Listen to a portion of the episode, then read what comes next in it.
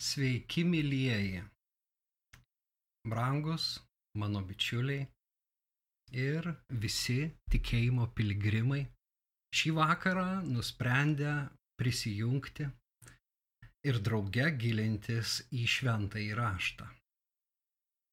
Mano galva tai didelis palaiminimas. Tai be nedidžiausias mūsų gyvenimo pašaukimas. Suprasti Dievo mintis atskleisti jo protą, pažinti jo valią, suartėti su mūsų kurėju, viešpačiu, Dievu. Ir jo raštai yra mūsų didžiausia pagalba. Be abejo ir malda, pokalbis su juo. Taigi šį vakarą maldos dvasioj, prašydami viešpaties iš tiesų šventosios dvasios apreiškimo, išminties dvasios, įžvalgų. Mes atsiversime Evangelijos pagal Joną septintą skyrių. Jei klausote, dalyvaujate drauge, jūs tikriausiai pamenat, kad praeitas skyrius baigėsi tokia labai liūdna gaida, kai nuo Jėzaus pasitraukia labai daug jo mokinių. Na, o septintas skyrius atveria jau tokį šviesų, spalvingą, su trenksmais, gesmėm, haleliuja šūksniais paveikslą, į kurį mes netrukus pažvelgsime. Ir pažiūrėsime, kaip Jėzus jaučiasi Jeruzalės šventykloje, ką jisai ten daro ir kokių santykių, žmonių nuomonių savo atžvilgių susilaukia. Na, bet prieš pradėdamas tai daryti, aš norėčiau dar kartelį kreiptis į Jūs, kviesdamas atvykti į palangą rūpjūčio pirmą dieną. Netiek jau daug ir beliko. ta, tas laikas bėga labai greitai ir žiūrėk, ta rūpjūčio pirmoji jau visai nebetoli. O a, tą dieną palangoje a, vyks nuostabus renginys, konferencija tėvo namuose, į kurią a, susirinks tikrai a, šaunus burys pranešėjų, na ir a, be abejo Dievo žmonių. Todėl tikrai, jeigu jūs dar dvėjojate, važiuoti į palangą ar nevažiuoti, Tai aš raginu padaryti šį sprendimą ir tikrai atvažiuoti, pasimaitinti nuo viešpaties stalo. O kas ant jo bus, jūs tuoj sužinosite iš pačių pranešėjų. Mat aš paprašiau, kad jie patys, na, keliais sakiniais pasakytų, kągi jie atveš į tėvo namus.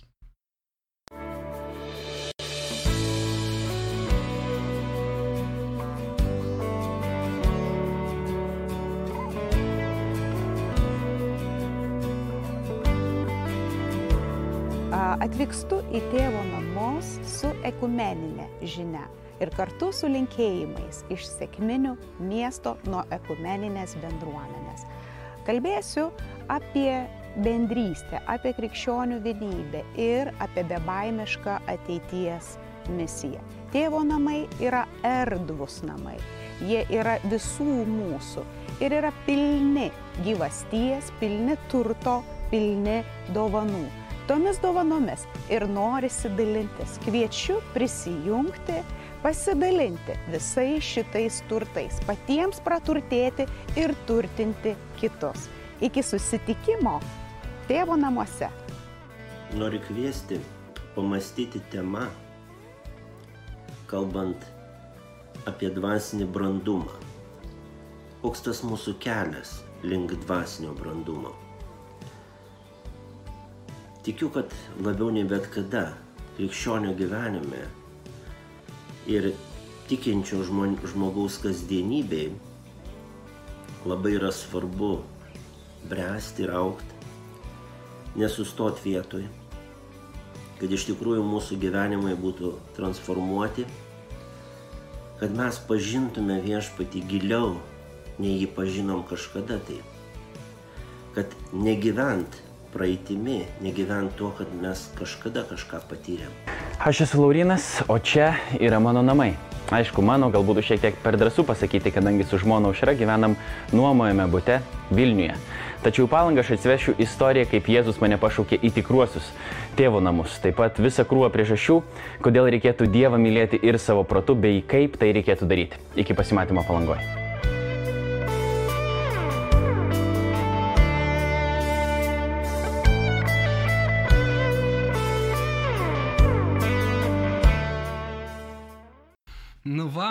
Kaip gražu ir a, su kokiom m, puikiom nuotaikom a, Dievo žmonės ruošiasi atvykti į tėvo namus, netuščiomis, bet a, su pilnais krepšiais. A, iš tiesų a, dvasinio maisto. Na, norisi a, padėti bažnyčiai suvokti tą savo vietą šiandieniniame pasaulyje. Norisi padėti žmonėms suvokti ir laiko ženklus, nes daug dalykų keičiasi. Tai, kas vakar veikė ar buvo taip elementaru, šiandien visai nebeveikia. Ir mes turime kreipti savo žvilgsnius į Dievą, leistis vedami šventosios dvasios, kad galėtume a, ir vienas kitą paraginti ir a, Jėzų atnešti į kitų širdis. A, taigi, laukiame jūsų. Laukiame jūsų palangoje rūpiučio pirmą dieną. Na, o dabar jau a, bus pas laikas mums pasiskaityti iš Jono a, Evangelijos 7 skyriaus mm, ir pasižiūrėti, kągi mes čia galėsime a,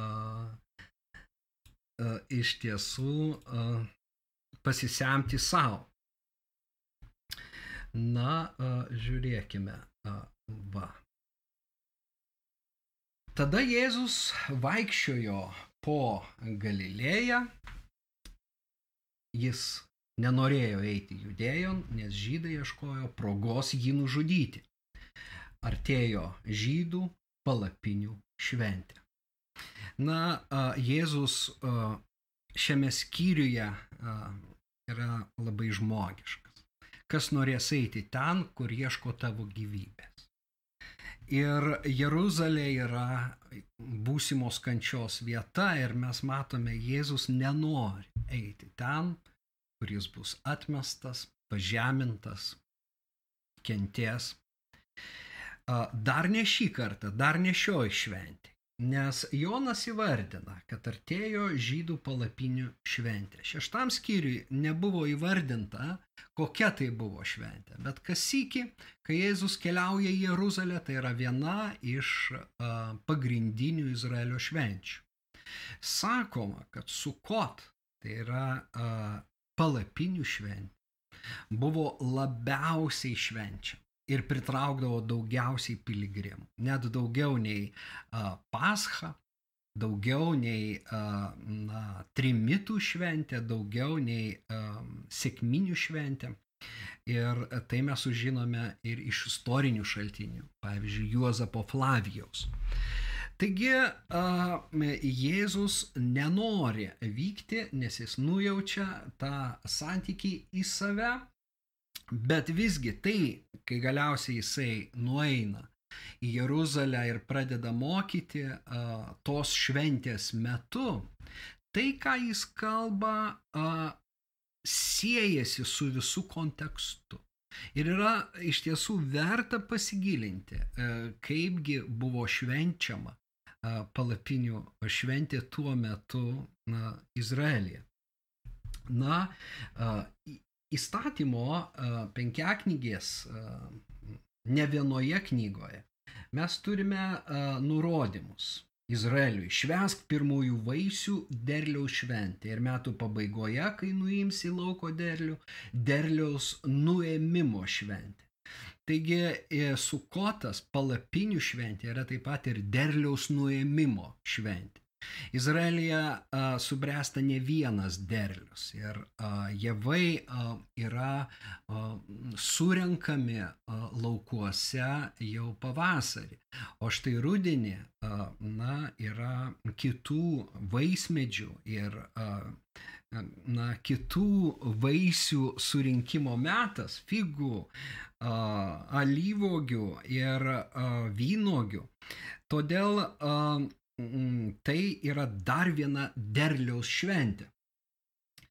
Ir, na, kitoje vietoje, kunigų knygoje, sakyk izraelitams, kad nuo 15 to paties mėnesio dienos septynias dienas truks palapinių šventė.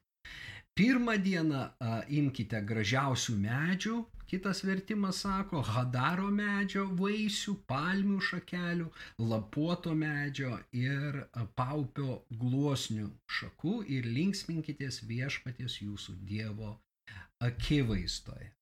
Ir dar vien, e, truputį toliau skaitome, visi izraelitai turi gyventi palapinėse septynias dienas, kad jūsų palikuonis žinotų, jog buvau ap apgyvendinęs Izraelitus palapinėse, kai juos išvedžiau iš Egipto žemė. Taigi šventė turi aiškiai didaktinę prasme, jos reikšmė turi būti suvokta ir perdota iš kartos į kartą. Na, o džiaugsmas, kad kyla iš to, kad Dievas suteikė derlių, kad uh, jie vėl, vėl džiaugiasi, turi ką valgyti, vėl džiaugiasi Dievo palaiminimais ir pripažįsta Dievą kaip savo aprūpintoją, atneždami jo akivaizdon Mozės metu prie palapinės, na, sandoros palapinės, Jėzaus metu tai jau atstatytoje šventykloje iš tiesų tie piligrimai eidavo, plūsdavo, kaip čia ir pasakyta, su, na, gražiausių medžių arba hadaro medžių vaisiai. Talmudas išaiškino ir uh, iki šių dienų sukoto šventė Izraelija yra švenčiama, kad tas Hadaro medis yra citrinmedis, Ir kad tie vaisiai gražiausiai iš tiesų yra a, Izraelyje augančios citrinos. Todėl per sukotą a, citrina yra kaip simbolis palapinių šventė. Po šiai dienai, beje, na, Izraelyje a, šventės metu, o švenčiama jinai yra a, tišrei mėnesį, tai yra rugsėjais, spalis mūsų kalendorių, pagal, pagal mūsų kalendorių, pagal žydų kalendorių. Tai yra tas tišrė na, mėnesis, kuris slankiuosi, bet mūsų atžvilgių, bet iš tiesų tos palapinės tokios lengvos, kuriuose būtinai yra palmių šakos, būtinai yra gluosniai, Na ir aišku, vėliau jau judaizmo tradicija labai aiškiai apibrėžė, kokios šakos turi dar mirta yra, žodžiu, na, būti naudojamos tos šventės metu. Bet iš tiesų, na, gražu galvoti apie citrinas, kurios atnešamos Dievo namus, kaip padėka viešpačiui. Bet svarbiau be abejo yra ta žinia. O žinia yra kokia? Kad išėję iš Egipto vergyjos, izraelitai gyveno palapinėse. Ir kaip žinia, jie gyveno, na, 40 metų, kol keliavo per dykumą. Ir pats viešpats gyveno taip pat palapinėje, sandoros palapinėje. Taigi mes turime didelę stovyklą, Izraelio stovyklą ir būtent tokį gyvenimo būdą reikia prisiminti. Nes gyvenimas keičiasi ir galiausiai, na, Izraelis įgyja savo miestą, didžiojo karaliaus miestą, Davido miestą, Jeruzalę. Ir pasimiršta tas metas, kai uh, jie buvo klajokliai. Beje, klajokliais buvo ir jų protėviai, patriarchai, kurie taip pat gyveno palapinėse.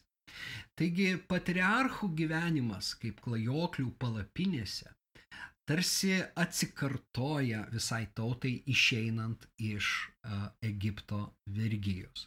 Vėliau jau, na, Izraelis tampa valstybė tvirta, uh, uh, valstybė su stipriais įtvirtintais miestais, ne tik tai Jeruzalė. Tai va, tačiau yra taip svarbu prisiminti tą pradžią. Kodėl? Na, aš manau, kad žiūrėkime, ir, ir pirmą eilutę sako, Jėzus vaikščiojo pa, po Galilėją. Jėzus irgi buvo tas vaikščiojantis klajoklis, neturintis kur priglausti galvos. Lapės turi urvus, paukščiai lizdus, o štai žmogaus sunus neturi kur galvos priglausti. Na, Taip, jis apsistodavo namuose, jisai Kapernaume greičiausiai turėjo ir savo namą, bet jo gyvenimo būdas buvo nuolatos na, kelyje, nuolatos kelyje. Aš manau, tai kalba mums visiems tikintiems, kad tikėjimas yra tik ėjimas. Kažkas sako, na, ne tik ėjimas, yra daug dalykų.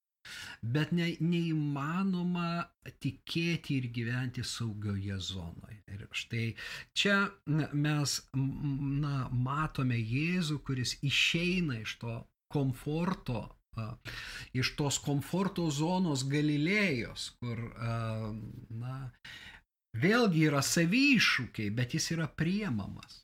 Ir eina į Jeruzalę, kur jį pasitinka didelė prieš prieš ir kur žydai ieško, kaip jį na, nužudyti. Tai va, palapinė suskamba kaip užuomina ir Jono Evangelijos prologe. Ir tik skaitant graikų kalbą, na, tą mes galime pastebėti. Ir uh,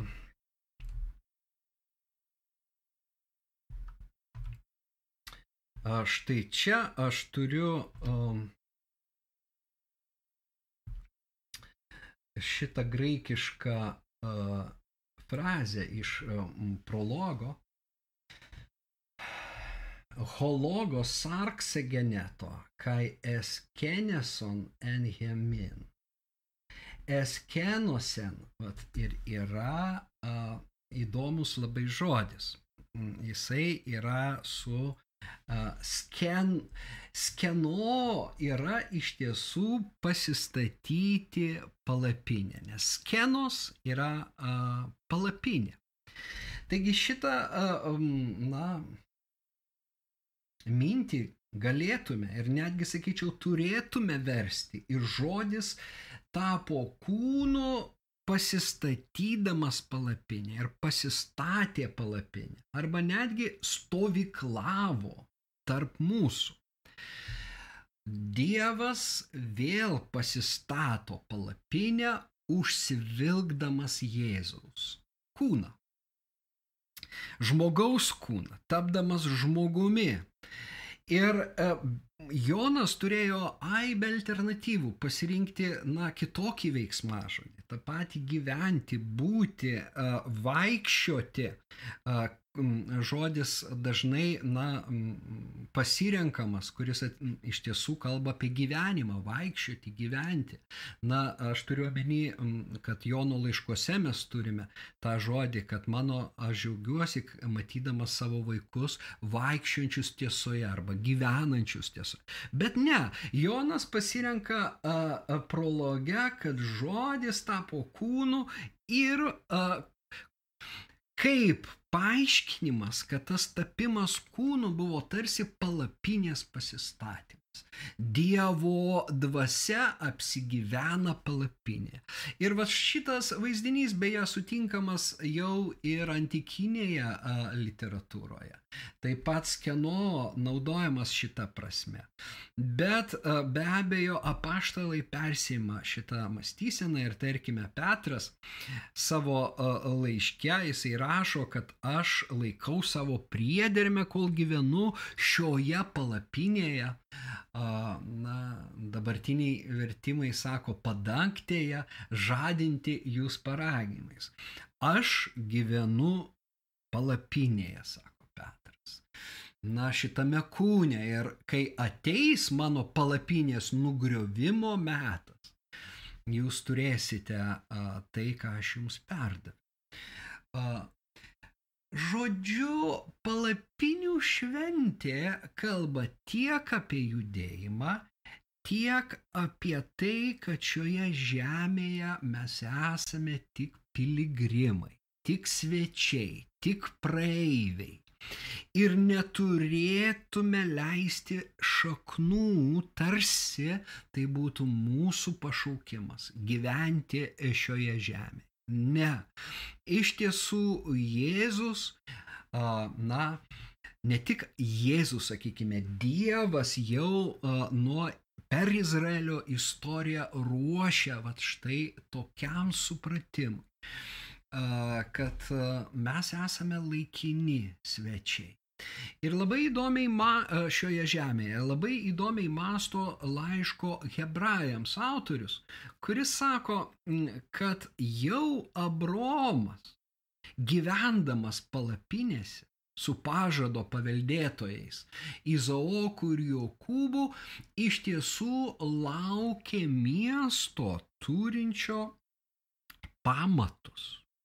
Miesto, kurio kurėjas ir menininkas yra Dievas. Labai įdomi frazė, bet kadangi tai nu, m, nėra Jono evangelija, aš nenorėčiau dabar e, ties jie sustoti, bet štai e, na, konferencijoje kalbėdamas apie tėvo namus danguje, aš, aš tikrai paliesiu ir šitą frazę. Dievas kaip menininkas ir kaip dangiško miesto kurėjas. Iš tiesų, demiurgas yra pavartotas ten tas žodis. Tai va, Abromas laukė a, miesto turinčio tokius pamatus. Tuo tarpu pagonys statė miestus čia žemė. Štai vat nuo Abromo iki mūsų dienų yra šios dvi perspektyvos žvilgsnis į šį gyvenimą, į, į, šią, uh, į šį pasaulį, į na, šią pusę uh, ir žvilgsnis anapus. Tikintys žvelgia anapus, laukia dieviško miesto ir švenčia palapinių šventę, suprasdami, kuri byloja apie laikinumą, ne sielos laikinumą, bet a, gyvenimo palapinėje, šiame kūne a, trumpą laiką. Todėl jį reikia prasmingai nugyventi, jį reikia prasmingai praleisti. Na ir kiek įmanoma arčiau susipažinti su tuo, su kuriuo kiekvienas žmogus susitiks - Dievu. Jau dabar priartėti Na, va šitas kontekstas būtinai e, turėtų būti mūsų mintyse, skaitant uh, septintą skyrių. Aš darau pakankamai plačią įžangą, kadangi noriu uh, pabrėžti, kad iš tiesų Jėzus ir yra ta palapinių šventė.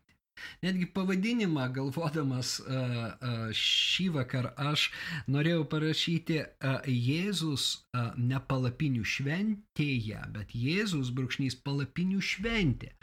Iš tiesų Jėzus ir yra išsipildymas tos šventės. Taigi šiame skyriuje susitinka realybė ir jos šešėlis.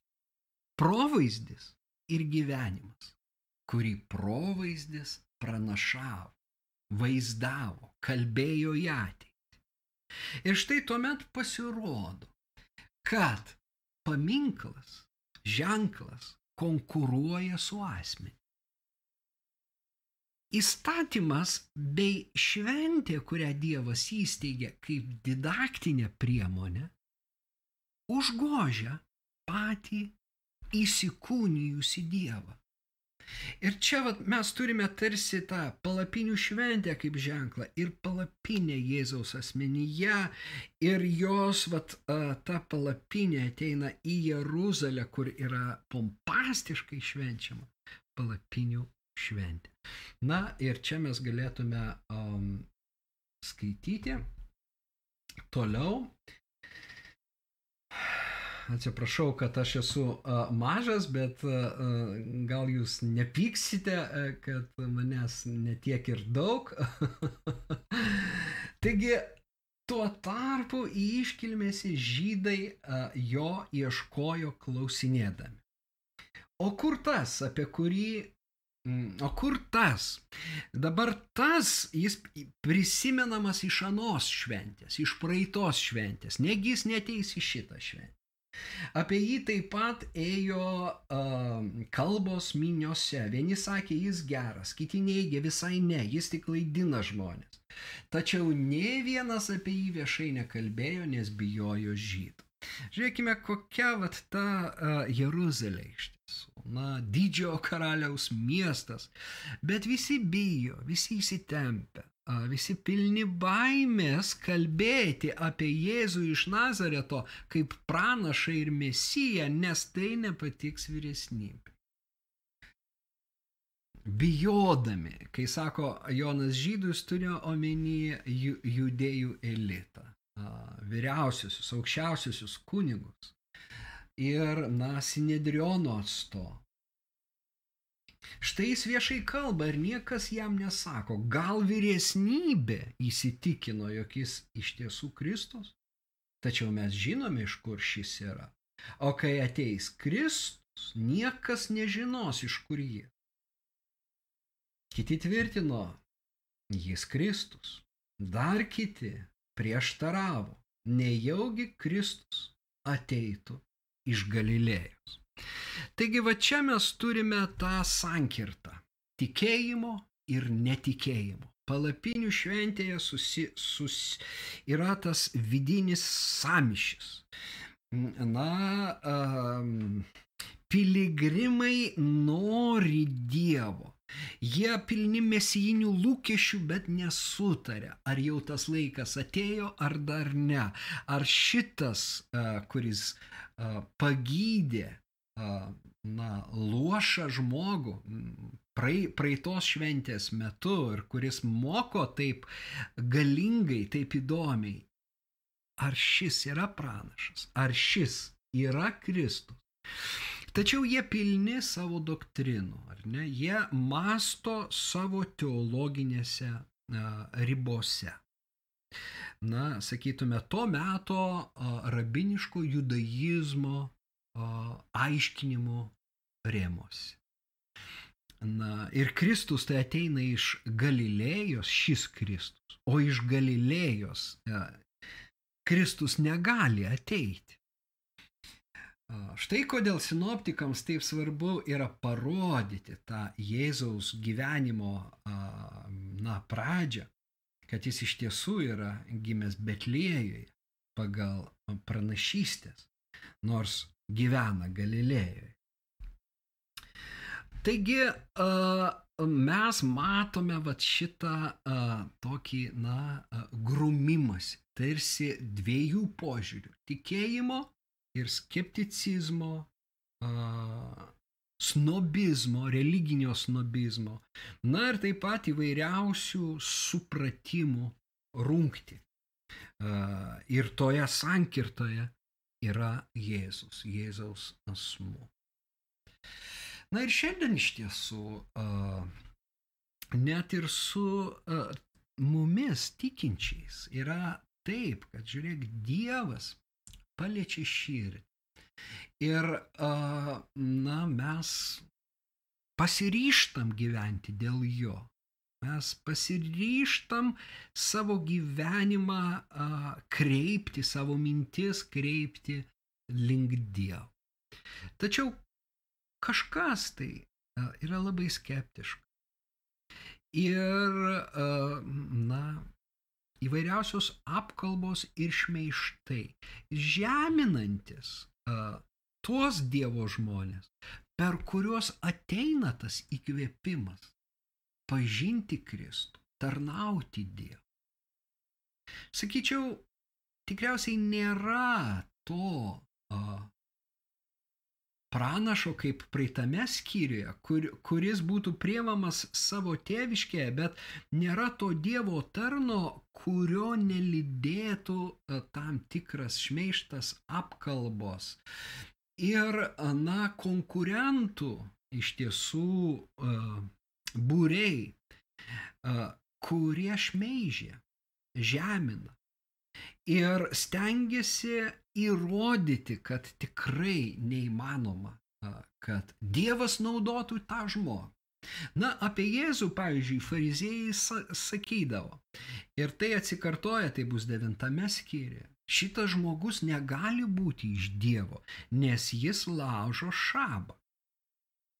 Ir šiame skyriuje prisimindamas ir aiškindamas aną padarytą stebuklą ir kaip jis, na, ne tik jis, bet ir tas pagydytasis lošys susilaukė priekaištų, kad tai vyko šabo dieną, Jėzus sako, žiūrėkit, Mozė įsteigė apipjaustimą.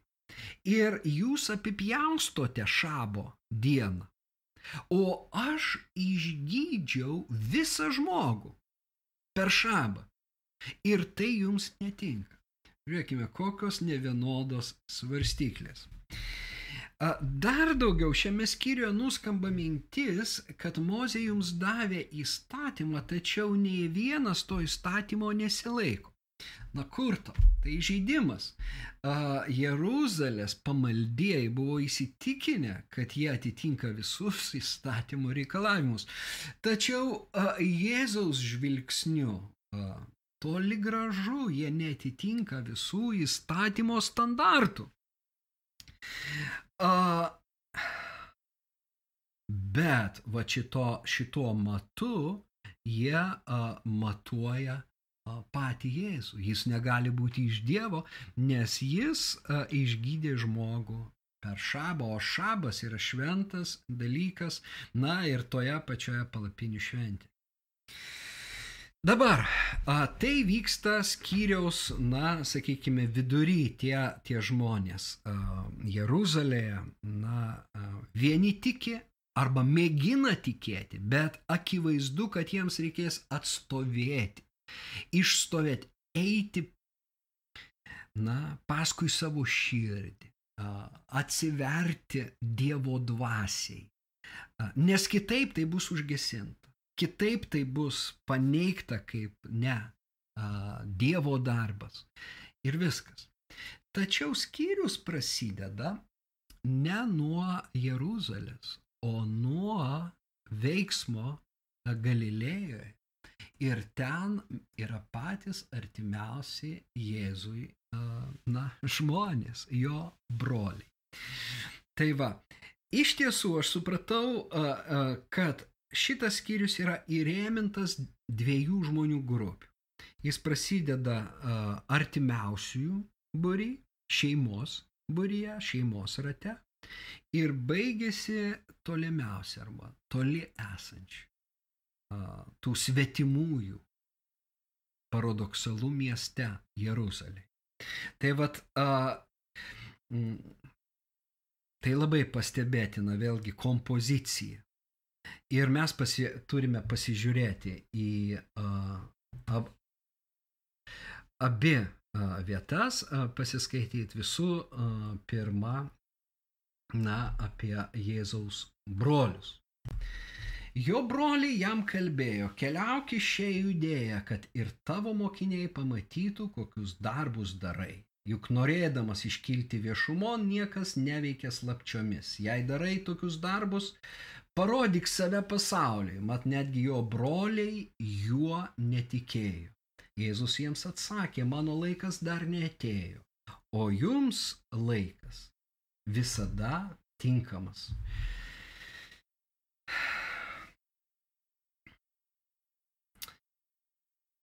Paradoksalu, vėlgi. Mes galvotume, kad tie, kas buvo arčiausiai, turėjo būti, na, sužavėti Jėzaus pamaldumu. Tačiau taip nėra. Na, jie tai tikrai turėjo toje palapinėje išvysti Dievo sūnų, Dievą, arba pirmieji patikėti. Tačiau yra viskas atvirkščiai.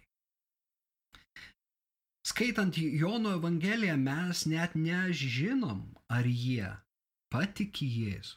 Mes tik žinom, kad uh, jie Jėzumi netikėjo.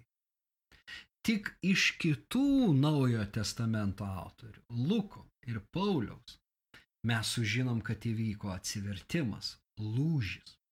Bet čia, šioje Evangelijoje, nieko to nepasakyta, yra tik tai brolių netikėjimas.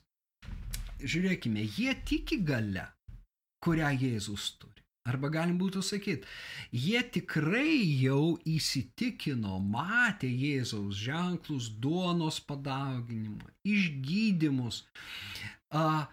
Ir jie nedvėjoja, kad jis Dievo apdovanotas charizmomis. Tačiau jie dvėjoja jo motyvai. Jiems atrodo, kad jų brolis nori tų charizmų dėka iškilti, padaryti religinę karjerą. Juk kas nori uh, parodyti save pasauliu, kaip tu, tas eina į Jeruzalę, nes būtent į šią šventę susirenka tiek daug uh, tų būsimų pasiekėjų, nepraleisk progos. Štai koks požiūris. Be abejo, klaidingas. Be abejo, klaidingas. Taigi tai mums parodo vieną dalyką, kad galima būti labai arti a, Kristaus, bet taip ir nepažinti jo širdės. Jie pripažino jo charizmą, bet jie nesuprato jo širdies, bent tuo metu. Na, dažnai ir, ir, ir tai būna ir tarp mūsų. Mums kito žmogaus širdis išlieka slėpiniu. Štai kodėl reikėtų labai atsargiai su teismais, nes mes galim labai stipriai suklysti. Ir, na, be abejo, jeigu kam kyla klausimas, tai visgi, ar tai buvo Jėzaus broliai, Ar, ar tai buvo tolimesni jo giminaičiai? Atsakymas į šitą klausimą yra labai paprastas. Priklausomai nuo to, kokioje konfesijoje šiandien tu esi išauklėtas ir, ir, ir išmokytas. Na, evangelinėse konfesijose priimta priimti šitą tekstą Adelfi, na, tai yra broliai, ir tai pirmoji ir pagrindinė reikšmė visoje Biblijoje. Ir traktuojant, kad Marija ir Juozapas susilaukė vaikų po Jėzaus stebuklingo gimimo, nekalto prasidėjimo. Tačiau a, Romos katalikai, ortodoksai, a, tos senesnės konfesijos a, seka, na, a, bažnyčios tėvų samprato, samprotavimais, kur, kuriems didelį įtaką darė iš tiesų graikiškas mąstymas, kad jokių būdų šventasis negalėjo na, gimti iš, reiškia, tame inde, kuris po to kažkokiu būdu, na, turėtų dar santykių su vyru. Taigi atsakymas vėlgi priklauso nuo to, kokiame konfesinėme, konfesinėme kontekste mes augome, teologiškai brendame. Bet mano galva iš tiesų tai nieko nekeičia. Ar tai yra Jėzaus broliai, ar tai yra jo pusbroliai, tie, na, Marijos sesers vaikai, tai nieko nekeičia. Šiuo atveju kalbama apie artimą aplinką ir visiškai klaidingą žvilgsnį ir nesupratingą žvilgsnį. Ir tik tai per Dievo prieiškimą įmanoma pamatyti, vat, kasgi žmoguje iš tiesų yra. Ir man labai rūpi iš tiesų, kada įvyko tas brolių atsivertimas. Nes Lukas apaštalų darbų pirmame skyriuje jisai sako, kad drauge su mokiniais buvo Jėzaus motina Marija ir jo broliai, čia vad belaukiant sėkminių šventį. Taigi jie jau yra drauge su apaštalais, jie prisijungia prie mokinių. Na, o įdomų dalyką pirmame laiške korintiečiams 15 skyriuje pasako ir Paulius kad prisikėlęs iš numirusių Jėzus pirmiausia pasirodė Jokūbui. Po to visiems apaštalams Jokūbas išskiriamas. Na ir Jokūbas buvo vienas iš Jėzaus brolių. Ta mes žinom iš sinoptinių evangelijų. Ir reiškia, po prisikėlimo yra ta akistata dviejų kūno brolių. Vieno jau šlovėje Kristos Ir to, kuris savo metu netiki ir, na, priekaištauja Jėzui, kad eik pasirodyk, į ką Jėzus atsako, mano laikas dar neatėjo. Tai va ta akistata, aš kažkaip galvoju, kad ar tik nepriminė tas, ta akistata Juozapo ir jo brolių, kurie atėjo į Egiptą duonos, bado metu susitikimo. Ir, na, tas, tas iš tiesų vėlgi provaizdis Juozapo ir brolių čia vėl atsikartoja. Jėzaus brolių netikėjimas ir jo kaip pašlovinto Dievo sunaus a, apsireiškimas bent jau vienam iš brolių tikrai įvardintas, o na, drauge su, su juo patiki ir kiti. Na ir Jokūbas tampa iš tiesų po to, kai Petras išvyksta iš Jeruzalės, na, pagrindiniu Jeruzalės bendruomenės ganytojų. Taigi galiausiai jisai iš tiesų neša, na, tą, tą patį Jėzaus kryžių ir toje, vat, tame mieste, toje Jeruzalėje, kuri yra Jėzaus kančios liudytoja, jis patikė Jėzumi jau ne kaip savo broliu, o kaip Kristui. Ir įdomu, kad tas vat, pats Jėzus e, Evangelijoje pagal Joną sako, kai būsiu išaukštintas, visus patrauksiu pas save. Jis paradoksaliai nestebuklais, negale, bet per kančią, per uh, kryžių pritraukia pas save uh, žmonės. Tame tarpe ir savo brolius laimi. E, galiausiai tokiu būdu. E, na, tai vat labai iš tiesų e, įdom, įdomi įžanga yra. Bet toliau iš tiesų dar man regis mes turime pabaigą sargybiniai sugrįžo pas aukštuosius kunigus bei fariziejus, o tie klausė, kodėl jo neatvedėte, nes jau jie norėjo per sukotą su, suimti Jėzų.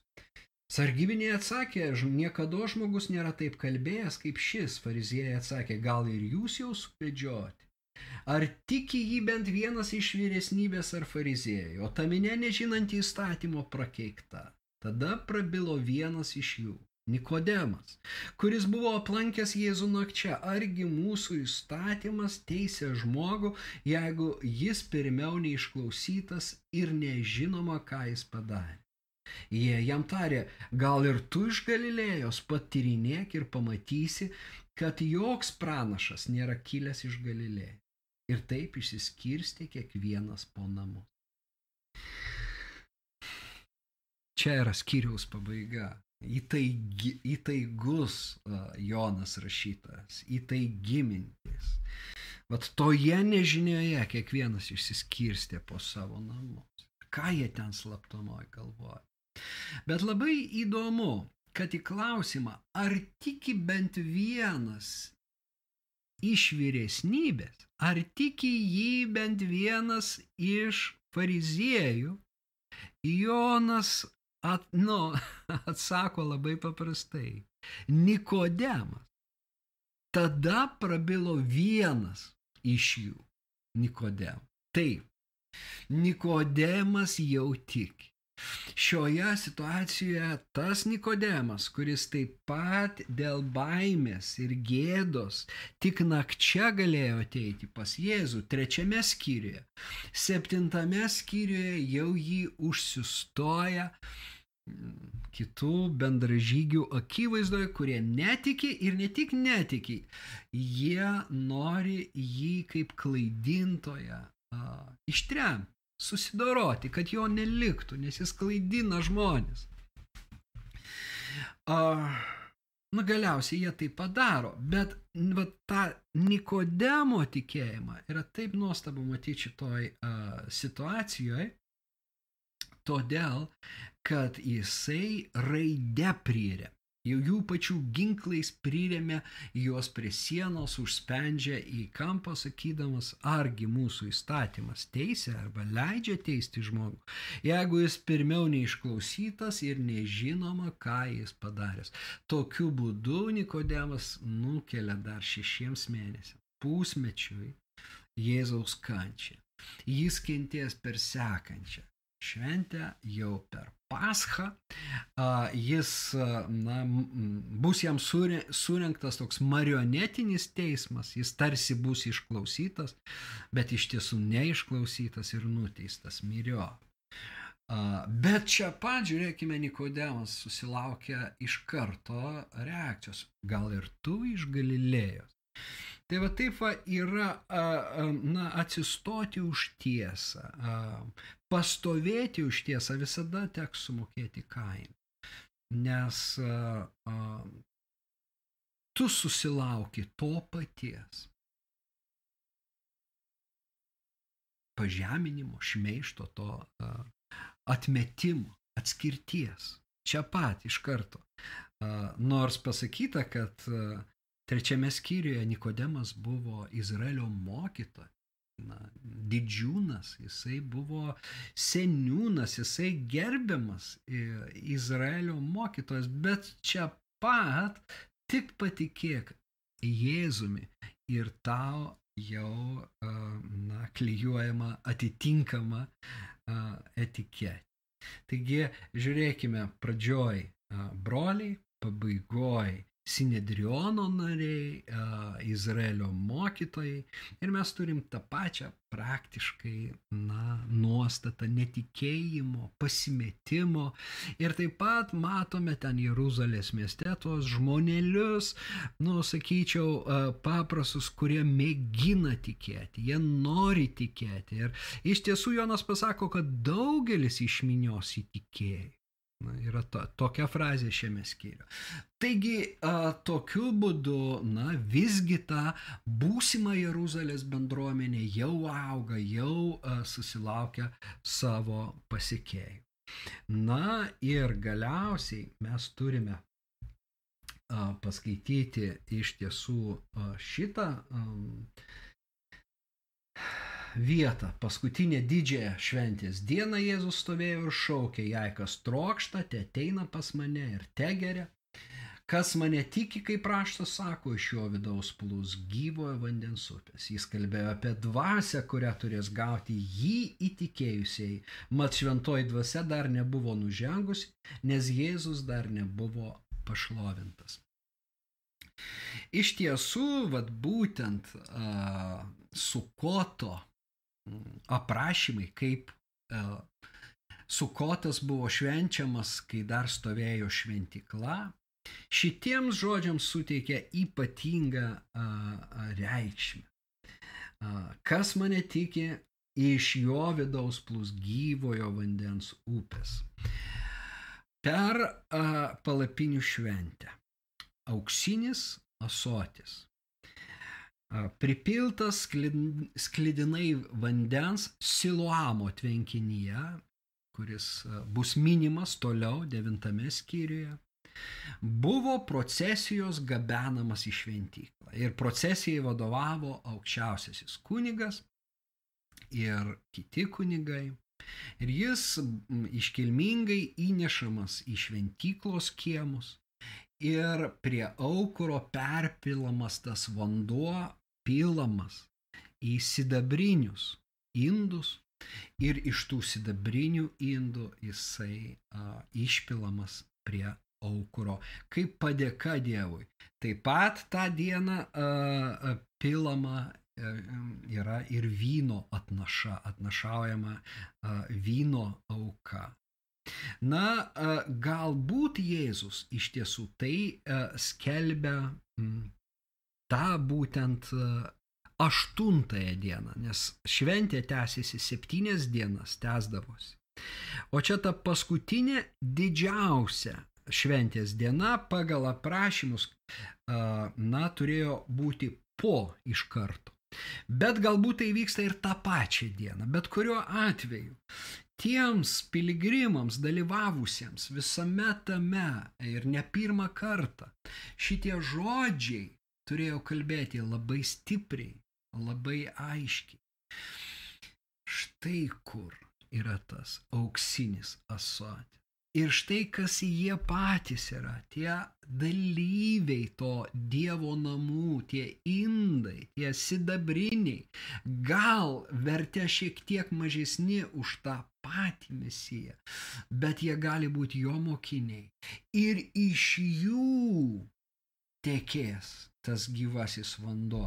Iš to auksinio indo jisai perpilamas į sidabrinius ir iš tų sidabrinių aukojama Dievui auka.